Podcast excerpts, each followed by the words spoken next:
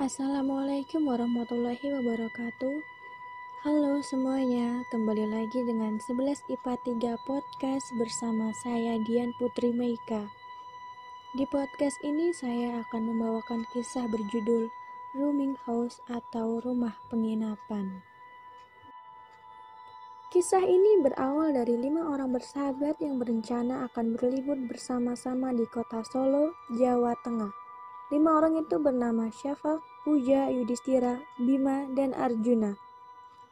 Syafak bertanya, jadi udah fix nih ya kita bakal liburan ke Solo? Bima menjawab, biasanya ayo aja kalau mau liburan di Solo. Solo juga banyak wisatanya kok. Ya udah, ayo ke sana, kata Yudhistira.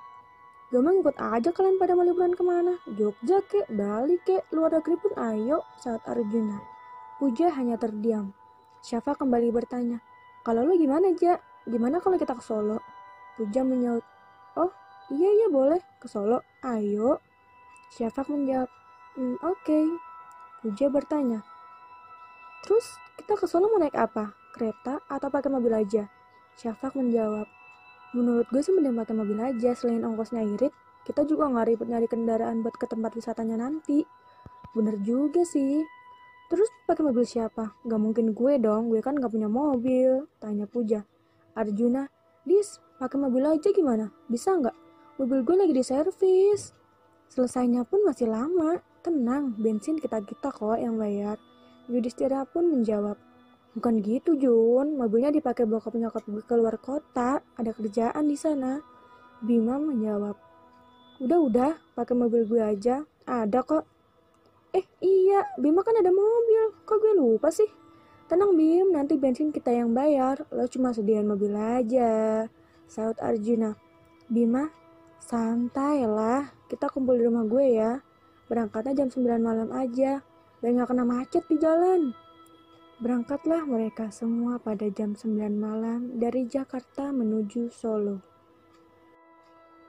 Selama di perjalanan, mereka saling bercerita tempat wisata yang ingin dikunjungi di Solo nanti. Saat di tengah perjalanan, kemudian Puja, Bim, itu ada supermarket, kita berhenti sebentar ya.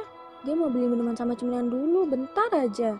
Bima menjawab, iya, gue berani toko samping supermarket itu ya.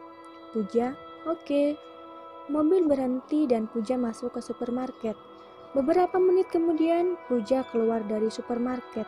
Saat Puja hendak berjalan ke arah mobil, Puja melihat perempuan berbaju putih bercelana hitam, sama seperti pakaian yang dikenakan temannya, Syafak, di dekat supermarket itu. Puja terheran apakah itu Syafak temannya atau bukan. Akhirnya, Puja sedikit demi sedikit melangkah ke arah perempuan itu. Syah, mau ngapain di situ? Ayo kita masuk mobil. Gue udah selesai nih belanjanya. Yuk, kata Puja. Kemudian Bima meneriaki Puja dari mobilnya karena melihat Puja yang berjalan sendirian ke arah jalanan. Puja, ayo sini. Mau ngapain ke sana? Awas, Ja, nanti ketabrak. Sontak, Puja pun berhenti untuk menghampiri perempuan itu dan menoleh ke arah Bima. Saat Puja melihat ke arah perempuan tadi, perempuan itu sudah menghilang. Puja merasa takut dan langsung naik mobil. Ketika Puja sudah masuk mobil, dia bertanya ke Syafak, Syah, lo tadi bukannya di dekat supermarket situ ya? Kok udah di sini aja sih? Raut wajah Puja yang terheran-heran. Syafak menjawab, Hah? Gue? Gue di sini kok dari tadi? Gue gak ke mana-mana aja. Kita nungguin lo di mobil. Puja kebingungan. Hah? Ternyata Syafak di mobil. Terus yang gue lihat tadi siapa? Gumam Puja. Arjuna, lo kenapa, Ja? Ada apa? Iya, Ja, lo kenapa? Tanya Yudhistira. Oh, enggak, enggak kenapa-napa kok, sambil tersenyum. Jawab Puja. Syafak, Ja, kalau ada apa-apa cerita ke kita ya, jangan dipendem, ya. Iya Syafak, gue gak kenapa-napa kok, makasih ya, jawab Puja. Namun Puja masih memikirkan kejadian tadi. Mereka sampai di kota Solo pada jam 1 pagi. Langit masih sangat gelap. Jalanan pun sepi pengendara. Ada seorang ibu-ibu yang berjalan sendirian. Bima, permisi bu, saya mau numpang nanya. Ibu, Iya mas, kenapa ya? Bima, di sekitar sini ada rumah penginapan gak ya bu yang murah? Ibu, oh gak ada mas, di sini rata-rata adanya villa atau hotel. Bima kembali bertanya, oh gitu ya bu, kira-kira kalau hotel atau villa itu per malamnya berapa sih bu? Ibu tahu? Ibu menjawab, mahal mas, ada yang 300 sampai 500 ribu per malamnya aja. Kalau mas mau, saya ada tuh rumah penginapan, mas dan teman-temannya boleh nginep di sana. Bima menengok ke teman-temannya. Hmm, harganya berapa bu? Ibu, gak usah bayar mas, tapi rumahnya tidak begitu besar. Gimana, mas mau? Bima bertanya kepada teman-temannya. Gimana, kalian mau? Gratis loh. Syafak, ya udah, coba dulu aja. Arjuna, iya bener, kita coba dulu aja. Kita cuma sampai jam 10 pagi aja di sana. Nanti kita cari rumah penginapan lain buat nginepnya. Benar-benar kita kan juga butuh istirahat, butuh tidur walaupun sebentar, kata Yudhistira. Bima menjawab, ya udah kita istirahat sementara di sana di rumah ibu ini ya. Puja hanya terdiam. Dia mempunyai firasat tidak enak, namun dia hanya memendamnya saja. Bima, iya bu, jadi kita mau nginep sementara di rumah penginapan ibu. Mari bu, naik mobil saya, kita sama-sama ke sana. Naiklah ibu itu ke mobil mereka dan menuju ke arah rumah penginapan.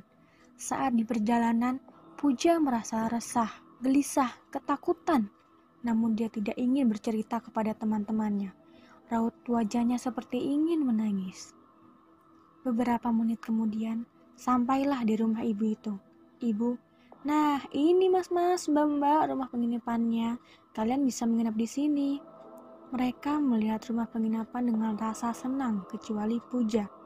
Kenapa dari awal ketemu ibu ini sampai sekarang, hati gue kayak ada yang ngeganjel sih, gumam Puja.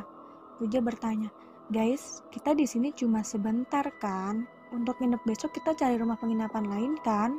Bima, iya Ja, kita sebentar doang kok, hitung-hitung bisa tidur dulu. Capek, perjalanannya cukup jauh. Ibu itu melihat Puja dengan sinis namun memaksa tersenyum. Yudhistira, ya udah kita masuk aja yuk. Syafak, barang-barangnya gimana? Dibawa atau ditinggal? Ibu menjawab. Oh nggak usah dibawa mbak, kan deket juga kalau mau diambil. Akhirnya mereka semua masuk ke dalam rumah penginapan itu dan beristirahat. Ketika semua teman-temannya sudah tertidur, Puja masih bangun. Melihat ke arah jam, masih jam setengah dua pagi. Hmm, masih jam segini lagi. Gumam Puja. Gue aus, ambil minum dulu ah di mobil. Syah, gue keluar sebentar ya. Mau ambil minum dulu di mobil, kata Puja. Oh, iya iya Ja. Suara Syafak yang sangat mengantuk. Berjalanlah Puja ke arah mobil. Dia merasa merinding, namun tetap memberanikan dirinya. Sampai di depan rumah penginapan itu, dia merasa tambah merinding. Lalu dia menoleh ke belakang dan ternyata Astagfirullahaladzim, eh ibu ngagetin aja, kata Puja. Ibu itu ada di belakang Puja tiba-tiba. Maafin saya ya mbak, mbaknya mau ke mana? Tanya ibu itu. Puja, oh ini bu, saya mau ambil minum saya di mobil. Ibu, oh kirain mau ke mana? Puja, enggak ke mana-mana kok bu. Puja membuka pintu mobil dan mengambil minumannya. Setelah mengambil minumannya, Puja menutup pintu mobil dan Puja berbicara. Ibu mau ke mana keluar masih gelap gini? Loh, ibunya mana? Kan tadi di sini. Kok, kok udah gak ada sih? Tiba-tiba ibu itu sudah tidak ada. Ibu itu menghilang dari hadapan Puja. Puja langsung bergegas menuju kamarnya. Saat ingin sampai di kamarnya, Puja mendengar seperti suara-suara dari arah kamar tidur yang ruangan tidak terlalu terang di samping kamar mandi. Puja menuju kamar tersebut dan melihat ada ibu-ibu seperti sedang melakukan ritual. Ada bunga-bunga di hadapannya seperti sesembahan di ruangan itu. Puja merasa takut. Dia bertanya-tanya, siapakah wanita itu sebenarnya? Seketika Puja hendak merekam kejadian itu. Saat ia mengeluarkan HP dari kantong celananya, HP-nya terjatuh di lantai. Sontak ibu itu pun menengok dan matanya melotot ke arah Puja. Puja ketakutan. Dia mengambil HP-nya dan berlari ke arah kamar teman-temannya. Puja memohonkan Syafak. Syah, bangun Syah, bangun. Kita harus pergi dari sini. Duh, kenapa sih, Ja? Gue masih ngantuk nih. Tunggu bentar lagi deh ya. Jawab Syafak. Gak bisa, Syah. Kita harus pergi. Ada yang gak beres di sini. Sontak, Syafak pun langsung terbangun. Hah, kenapa, Ja? Ada apa? Udah, sekarang mending kita bangunin Yudhistira, Bima sama Arjuna dulu. Ketika mereka berdua ingin menghampiri kamar teman laki-lakinya, tiba-tiba ibu itu ada di belakang Syafak dan Puja, kemudian berkata, Kalian semua gak akan bisa kabur dari saya, kata ibu itu. Ibu itu mengarahkan pisau ke arah Puja dan Syafak. Awas ya, kata Puja. Syafak dan Puja berhasil lolos dari arahan pisau itu. Loh, ibu ini kenapa, Ja? Kok jadi kayak gini? Tanya Syafak. Udah ya Syah, kita harus ke sana. Berlarilah mereka berdua ke arah kamar teman laki-lakinya. Puja dan Syafak masuk ke kamar itu dan membangunkan teman laki-lakinya. Dis, Dis bangun, Bim, ayo bangun, Arjuna, bangun dong, kita harus pergi dari sini. Teriak Puja dan Syafak untuk membangunkan teman laki-lakinya. Ayo kita pergi dari sini, ada yang mau bunuh kita semua, please, lo semua dengerin gue. Seketika mereka bertiga bangun. Ayo kita masuk mobil, kita harus tinggalin tempat ini. Mereka semua mengikuti apa kata Puja. Mereka berlima masuk mobil dan pergi meninggalkan rumah penginapan itu. Beberapa menit kemudian, loh, kita kok masih di sini aja sih? Ini kan sekitar rumah penginapan yang tadi, kata Bima. Duh, gue juga nggak tahu lagi nih kita harus jalan ke mana. Tiba-tiba, ibu itu muncul di depan mobil mereka dan berkata, Sejauh apa pun kalian pergi, kalian tidak akan jauh dari saya. Lalu mobil itu seketika menabrak pohon dan terbakar. Mereka berlima masih selamat, namun banyak luka-luka di tubuhnya. Guys, Kalian gak apa-apa kan? Tanya Puja. gak apa-apa kok Ja, Alhamdulillah. Cuma luka sedikit aja, kata Yudhistira. Yuk, kita harus pergi dari sini, kata Syafak. Mereka berlima mencoba berdiri dan bersama-sama untuk berusaha lari menghindari itu. Ketika mereka sudah berlari, Puja tersandung. Aduh, aduh, sakit banget, kata Puja. Ja, teriak Syafak. Udah kalian lari dari sini cepetan lari. Gue nggak apa-apa kata Puja. Bis Bim kalian duluan aja. Jagain Syafak ya. Gue bakal bantuin Puja kata Arjuna. Iya iya. Lah hati-hati ya Jun sama Puja kata Yudhistira. Iya iya. Udah sana jawab Arjuna. Syafak, Bima, dan Yudhistira pergi berlari dan Arjuna membantu Puja. Puja dan Arjuna berusaha untuk terus lari. Ibu itu mengejar ke arah Puja dan Arjuna. Ibu itu melempar semacam celurit ke tubuh Puja hingga Puja terjatuh. Ketika Puja mencoba berdiri dan lari, ibu itu mengarahkan pisaunya ke kaki Puja. Namun Arjuna berhasil menendang tangan ibu itu hingga ibu itu terjatuh. Mereka berdua kemudian berlari terus.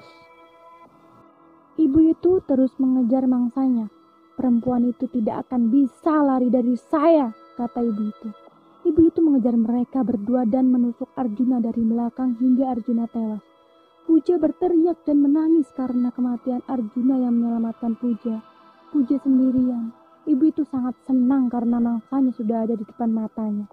Puja diseret untuk kembali di rumah penginapan itu. Puja terus berteriak memanggil nama Bima, Syafak, dan Yudhistira. Kemudian mereka bertemu di dekat jurang. Puja meminta tolong agar mereka membantu Arjuna di tengah hutan sana. Bima mencoba melawan ibu itu. Namun ketika ibu itu mencoba melawan Bima, ibu itu terpeleset hingga ibu itu jatuh ke jurang dan meninggal.